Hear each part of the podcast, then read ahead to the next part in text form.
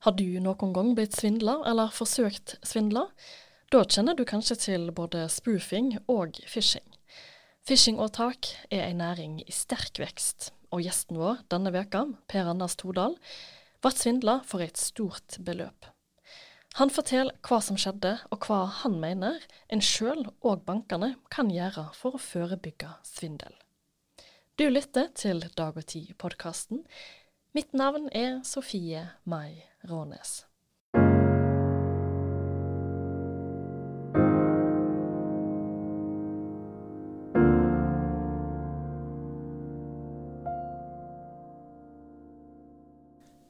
Velkommen til studio, Per Anders Tordal. Tusen takk. Du er journalist her i Dag og Tid, og skrev 21.10 en sak om banksvindel. For du fikk sjøl oppleve å bli svindla for et sekssifra beløp for en stund tilbake igjen. Eh, du ble utsatt for et såkalt phishing-åtak. Altså da at svindlerne de bruker sosial manipulering for å få tilgang til kontoopplysninger og påloggingsinformasjon. Kan du fortelle aller først, hva var det som skjedde? Det var en torsdag ettermiddag i januar. Mobilen min ringte var midt oppi matlaginga, ungene var på vei inn døren fra skolen, og hverdagen var hektisk, som den kan være. Så det var et 55-nummer som ringte meg.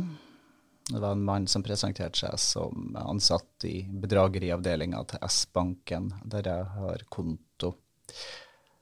Og han forklarte at det var registrert mistenkelige bevegelser på min konto, og spurte meg om noen mystiske transaksjoner som jeg ikke visste noe om. Og han hevda da at jeg var utsatt for svindel, og at han trengte mye hjelp til å stoppe svindelen og få spora pengene. Jeg var litt mistenksom, så det, ja. mens jeg snakka med han, så tok jeg fram PC-en og uh, gikk inn på 1881 og sjekka det nummeret han ringte fra. Så så jeg at det var bare ett siffer på slutten som var ulikt S-banken sitt sentralbord. Og for min del var det helt avgjørende. Da tok jeg det her for god fisk. Mm. Det skulle ikke jeg gjort. Nei, for det var nemlig det var nemlig ikke banken som hadde ringt. Det var jo ikke det.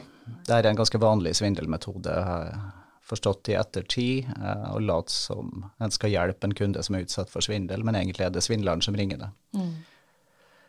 Så jeg hjalp han da eh, med å logge på min konto ved hjelp av bank-ID-passord. Um, han skulle da prøve å spore de stjålne pengene videre og sperre min konto, naturligvis. Og han forklarte meg at min konto ikke kom til å bli tilgjengelig før neste dag, så da skulle jeg ringe tilbake og høre hvordan det her hadde gått. Det som imponerte meg litt med det svindelfaglige håndverket hans, var hvor elegant han svarte på alle spørsmål jeg har. Mm. Han mm. var tydeligvis forberedt på veldig mange eventualiteter. Vi snakka i en halv time. Jeg liker jo å tro at jeg har et brukbart kritisk blikk på verden, men her gikk forsvaret mitt eh, helt ned, og jeg fant ingenting i det han sa som var mistenkelig. Nei. Ikke noe eh, utenlandsk aksent eller Nei. noe. Jeg har tenkt i ettertid at det å være Det å opplevd veldig mange dårlige svindelforsøk med folk som ringer og snakker engelsk med indisk aksent og sier at de skal hjelpe deg å fikse Windows på PC-en, det gjorde meg mindre forberedt på en virkelig god svindler, for jeg er blitt vant til at svindlere som ringer, for det skjer jo ganske ofte, eh, jeg er vant til at de er på et så lavt nivå. Og når det da kommer en som er på et helt annet nivå, så hadde jeg ikke beredskap. Mm. Og dette her med at uh, han brukte et nummer som var veldig likt banken sitt nummer, ja. det blir vel kalla for spoofing? Ja. ja. Det mm, visste jeg heller ikke om uh, før jeg opplevde det her det er mulig å fake nummeret eller å manipulere slik at det kommer opp et annet nummer på eh, telefonen til den du ringer, enn det nummeret du faktisk ringer fra. Mm. De kan også fake nummeret helt perfekt. I dette tilfellet her var det ett lite avvik fra sentralbordet til S-banken. Men eh, jeg ringte jo det her nummeret tilbake dagen etter som avtalt, og kom til en helt annen person. Så en kan ikke alltid tro på det nummeret som kommer opp på displayet når du blir oppringt på mobilen. Nei. Vi skal snakke litt om eh, hva, hva, vi kan gjøre sjøl for å unngå, eller for å ja, unngå å bli svindla. Men det, det, må jo ha føltes veldig Det må jo ha vært en veldig ubehagelig periode? når du innså hva som hadde skjedd? Lang og ubehagelig. Um, en kjenner seg dum, ydmyka, um, skamfull for å ha gått på det her, og det har ganske store konsekvenser når det er store beløp det er snakk om. Mm. Det er sånne konsekvenser en drar med seg lenge. Og eh, mange av dem som blir ramma, er jo eldre folk, pensjonister, iblant minstepensjonister. Så jeg tror det sitter mange tusen eh, mennesker ute i Norge med skadd sjølfølelse etter å ha opplevd sånne ting. Hvorfor er det så skamfullt, egentlig? En uh, bør vel egentlig forstå at en ikke skal oppgi noe slags påloggingsinformasjon til noen over telefonen. Det er et veldig, veldig godt tips. Aldri oppgi noen form for kontoinformasjon til noen som ringer deg. Men hele premissen der er jo at en tror at det er banken som ringer. Så når en oppgir den informasjonen, så tror en at en hjelper banken med å stoppe et svindelforsøk. Premissene er feil, men det vet du ikke der og da. Nei, et, eh, et, valg eller et mistak som får store konsekvenser. Mm. Mm. Um, du sa jo nå at uh, du snakka i over 30 minutter med ja. denne svindleren. Mm. I tillegg så hadde du stående et ganske stort beløp mm. på brukskontoen din som du mm. trengte å ha tilgjengelig fordi ja, du skulle betale for et oppussingsprosjekt. Uh, ja. uh, det er kanskje litt sånn ledende spørsmål, men tror du at det var tilfeldig at akkurat du ble oppringt? Jeg lurte på det der, fordi det er ganske arbeidskrevende å drive med denne typen svindel. Du må ha et nettverk av kontoer som pengene skal overføres til. Det er jo ikke eh, vanligvis sånn at de bare overfører pengene til én konto og tar det ut uh, derifra. Det er noe som kalles muldyr, uh, et kjede av kontoer som pengene kan flyttes uh, over til, til det eventuelt blir tatt over til utlandet, eller kanskje tatt ut i form av kryptovaluta. Det er mange muligheter. Det kan tas ut som cash i mindre porsjoner. Men de kjedene kan du jo stort sett bare bruke én gang. Du brenner de kontoene når du har kjørt deg inn svindel. Hvis du bare får ut 15 000 i slengen fra lønnskontoene til folk, så er ikke dette veldig god butikk. Jeg tror Jeg mistenker i hvert fall at uh, de som ringte meg, visste at det var mye penger på konto. Og i ettertid har jeg fått en indikasjon på at det kan være riktig, fordi eh, etter at jeg skrev om det her i dag og tid, så har jeg blitt kontakta av mange som har opplevd svindel sjøl. Og eh, ei eldre dame har ringt meg og fortalt at hun har blitt svindla for en halv million. Større beløp enn jeg opplevde sjøl. Mm. Og det var også S-banken, det var omtrent på samme tid som jeg ble eh, svindla. Og Det interessante hun fortalte, var at svindleren hadde sagt til henne at det hadde blitt overført en halv million fra hennes konto til en annen konto. Og det sier du ikke hvis du ikke vet at det er så mye penger på konto, for da har du ødelagt den svindelen. Mm. Hvis, mm. hvis, du vet at du har 10 000 på kontoen, så blir du ikke på den der. Nei, sant. Så dessverre mistenker jeg, jeg kan ikke bevise det, men jeg mistenker at det er utro tjenere i bankene som bistår svindlerne, for det gjør det veldig mye mer attraktivt å drive med sånn eh, svindel. Etter at du hadde blitt svindla, så anmeldte du selvsagt denne saka til politiet. Mm. Eh, og regna jo med at eh, den skulle bli etterforska, men hørte ingenting. Og fant ut etter et halvt år at eh, saka den burde egentlig bare blitt lagt vekk, som alle de andre svindelsakene som ble anmeldt. Og du gjorde en liten sånn etterforskning sjøl. Du fant navn og, til en person som hadde ringt deg. Ja, det er jo ikke rare etterforskninga. Navnet står der på kontoutskrifta. Eh, det står navnet på et ekte menneske som har mottatt de her pengene. Mm. Et navn. Eh, personen har en adresse, han lot seg google. Og jeg regner jo i det minste med at politiet hadde dratt hjem til han og tatt en alvorlig prat. Men de hadde ikke gjort det én gang. De hadde ikke gjort noen ting annet enn å la saka ligge på hylla i over et halvt år. Ja, her, men sant, det var jo store summer du ble svindla for, mm. og dette gjelder jo, som du skriver, at det er vel ja, eh, kanskje rundt 8000 som blir svindla i løpet av et år? Ja, det, det er mitt anslag, øh, og det gjelder da bare phishing, altså mm. sosial mm. manipulasjon. Det finnes også andre typer svindel med kredittkort og ja, det er mange metoder. Men hvis vi holder oss til bare den typen manipulasjon, så tror jeg vi kan gå ut fra at det kan være størrelsesorden 8000 i året. Eh, det var i fjor, da. I år tipper jeg at antallet er enda større. Ja, så det er veldig store summer. Flere hundre Eh, millioner kroner i året, vil jeg si. Så har du gjort deg noen tanker om hvorfor ikke politiet prioriterer eh, sånne saker? Som, ja, som jeg sa, for de får store konsekvenser for enkeltpersoner, og til sammen så utgjør de veldig store summer. Jeg hadde egentlig ganske god dialog med han politimannen som uh, fikk beskjed om å legge vekk saka mi. Han var veldig frustrert over det sjøl. Han ville gjerne hatt at de her sakene skulle blitt etterforska ordentlig. Men uh, i vurderingene som blir gjort i politiet, så handler det veldig mye om at du vil helst ikke kjøre en sak hvis du ikke er sikker på at du får den fram til domfellelse, enkelt og greit. Uh, belønningsmekanismene i politiet er skrudd sammen sånn at du vil ha en kjapp oppklaring og en kjapp domfellelse, fordi det hoper seg opp med saker. De vil ikke ha tidkrevende saker. Og denne typen kriminalitet er litt krevende. Du skal forfølge pengene gjennom flere kontoer. Det, det er en del kompleksitet i det her. Og eh, derfor lønner det seg ikke for hver enkelt, hvert enkelt politikammer å forfølge sakene. Det finnes unntak. Det har blitt opprulla uh, denne typen svindelliga i enkelte tilfeller, men jeg tipper at veldig mange av sakene bare blir henlagt uten etterforskning, sjøl om det er snakk om grovt bedrageri og i enkelte tilfeller over, over på millionbeløp.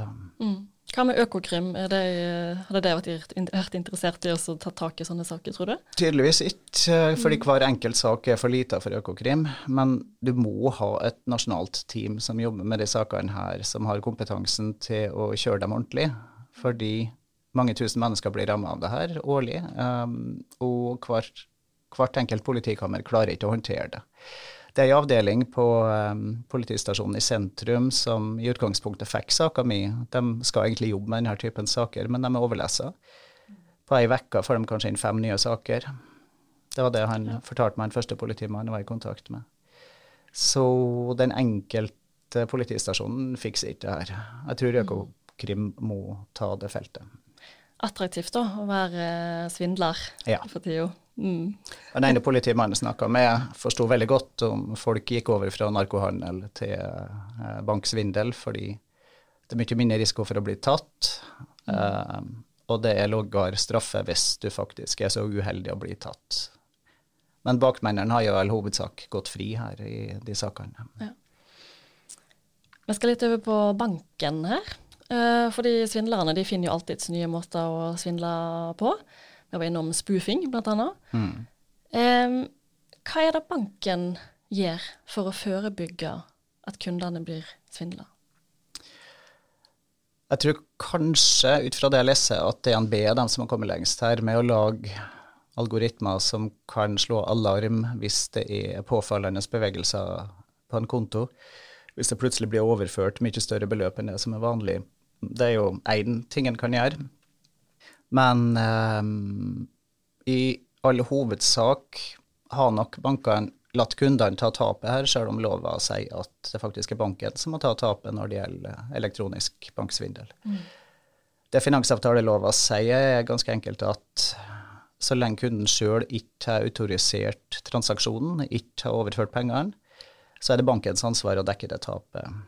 Og det har bankene ja, I stor grad har bankene ignorert det finansavtalelova sier, tolka lovverket annerledes og krevd at kundene må dekke det. Og så lenge bankene klarte å få kundene til å tro at de måtte ta tapet sjøl, så uh, har ikke bankene hatt så veldig sterk motivasjon til å sette inn kraftfulle mottiltak heller. Og det her handler jo litt om hvem som skal ha uh, risikoen, og hvem som skal ha gevinstene, fordi digitalisering av banktjenestene har tjent finansnæringa veldig, veldig godt. De har spart, skråstrek tjent enormt mye på at vi kundene gjør jobben sjøl. Mm. Men når det gjelder risikoen som kommer med de digitale banktjenestene, så har den i stor grad blitt plassert hos kundene. Ja. Det um, har ikke motivert bankene til å gjøre det de kan for å hindre at dette kan skje. Vi har jo blitt veldig avhengige av eh, digitale hjelpemidler, og da inkludert bank-ID, som vi bruker til veldig masse forskjellig. Gjør det oss mer sårbare for eh, svindel? Jeg tenkte mye på det etter at denne svindelen skjedde. Jeg vet ikke om det var avgjørende i mitt tilfelle, men vi bruker jo, som du sier, BankID til veldig mye forskjellig.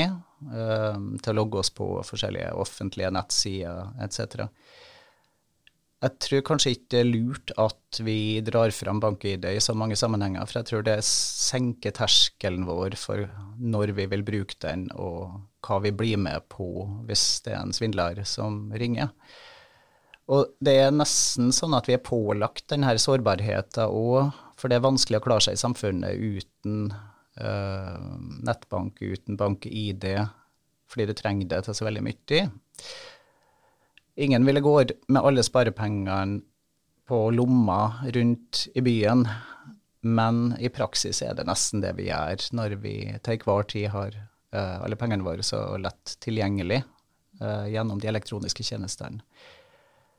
Og når vi da er så vant til at bankideen er noe vi drar frem stadig vekk til alt mulig rart, så tror jeg det kan senke terskelen vår for hva vi blir med på. Nå var det jo i september så avgjorde Høyesterett eh, at eh, ei som ble svindla i den såkalte Olga-saka, at hun ikke var ansvarlig for, eh, for det beløpet hun har blitt svindla for.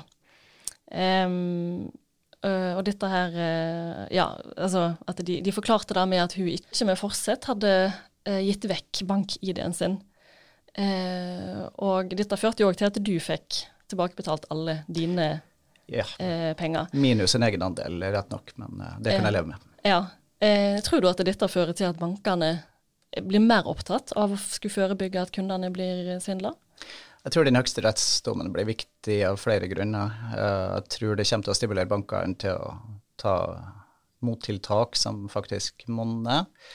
Jeg håper at bankene heretter begynner å følge finansavtaleloven og dekke tapet for kundene eh, i slike saker. Jeg tror Finans Norge, altså Foreninga for finansnæringa, har en viktig jobb her med å informere alle medlemmene sine om at det her er lova. Nå har Høyesterett oppklart det her en gang for alle. Da. Ja. Hva slags informasjon fikk du sjøl etter at du ble svindla, om, om hva rettigheter du har? Det var først ei lang ventetid mens banken etterforska saka. Det tok vel nærmere to måneder før banken til slutt landa på at jeg måtte ta tapet sjøl. Så det kom et brev fra en jurist i S-banken der han forklarte meg at uh, ifølge finansavtalelova så hadde min uh, grove uaktsomhet gjort meg ansvarlig for å ta tapet sjøl. Mm. På det tidspunktet jeg hadde lest meg opp og vist at allerede fantes en dom i lagmannsretten som sa det motsatte, så jeg tok jo ikke det her for god fisk. Men jeg tror jo veldig mange som har fått tilsvarende brev fra banken sin uh, med en juridisk forklaring på hvorfor de har tatt tapet, har tatt det for god fisk, da. Jeg tror mange bare har bøyd nakken og skjemtes og tenkt OK, det var min feil, jeg må ta tapet sjøl. Men det er altså ikke lov å si. Men så ble jeg altså en journalist svindla. Ja. Uh, du ble òg intervjua i Dagsrevyen. Har du, fått, eh, har du blitt kontakta av folk? Mm, har det kommet respons fra ja. ja? 15-20 henvendelser kanskje fra folk som har opplevd lignende ting, og ofte verre ting. Det er veldig mange uh, svindeloffer der ute. Mye flere enn det statistikken til Finanstilsynet fanger opp. Så det har kjentes veldig meningsfylt å ta den belastninga det tross alt er å fortelle om noe så pinlig, fordi det har fungert i stor grad som jeg håpa, med at uh, jeg tror mange både har blitt opplyst om faren for å bli svindla, og opplyst om at du kan ikke alltid stole på det banken forteller deg etter at du har blitt svindla. Og der var du inne på noe. Hva er det vi sjøl kan gjøre? Du sa tidligere ikke gi bank-ID-en til noen over telefonen? Nei, aldri oppgi noe som helst kontoopplysninger over telefon. Det, det, mm, kan ikke sies ofte nok, tror jeg. Mm. Det er sikkert flere ting, uh, men det, det, aller meste av ansvaret for å forebygge svindel nå tror jeg ligger på bankene. Det er flere ting en kan gjøre.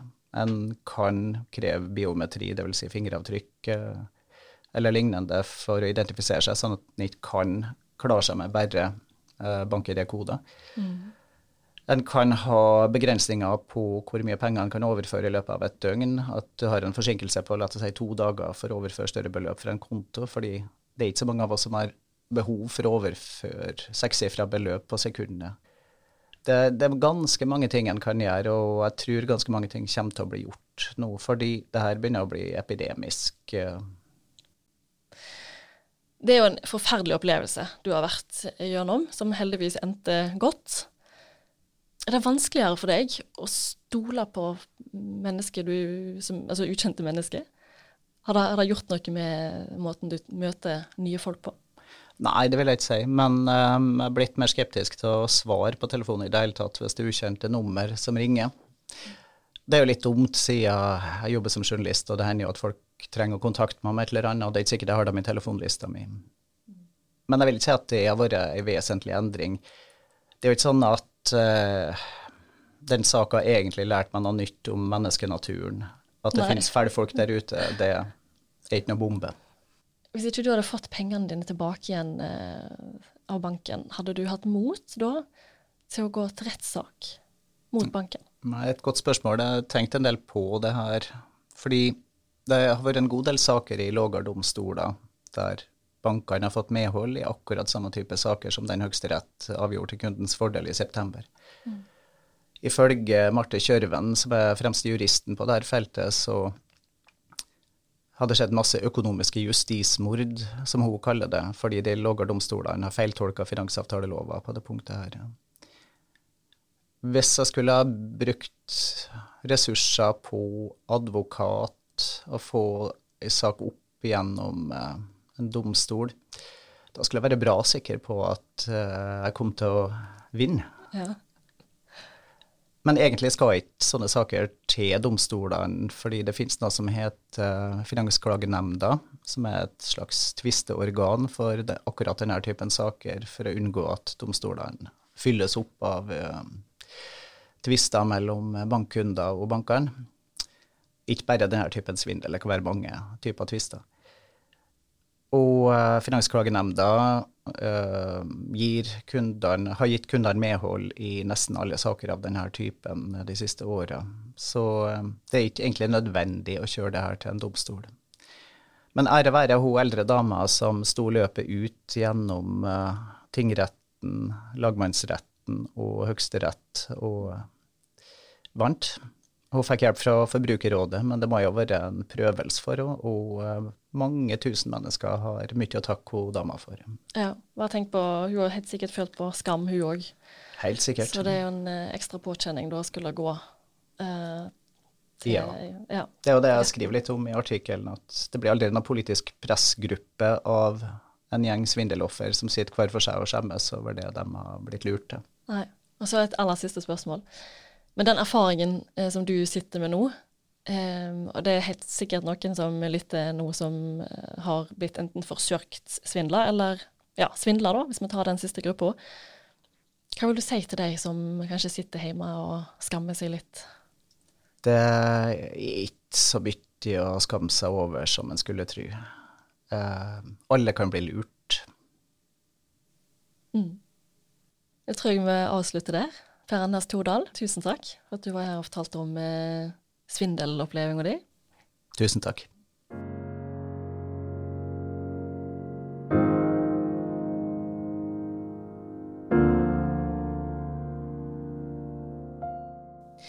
Du lytter til Dag og Tid-podkasten. I studio var jeg Sofie Mai Rånes. Jeg setter stor pris på tilbakemeldinger. Send meg gjerne en e-post. Adressa er sofie krøllalfa dagogti.no. Vi er tilbake igjen neste uke. Takk for at du lytta.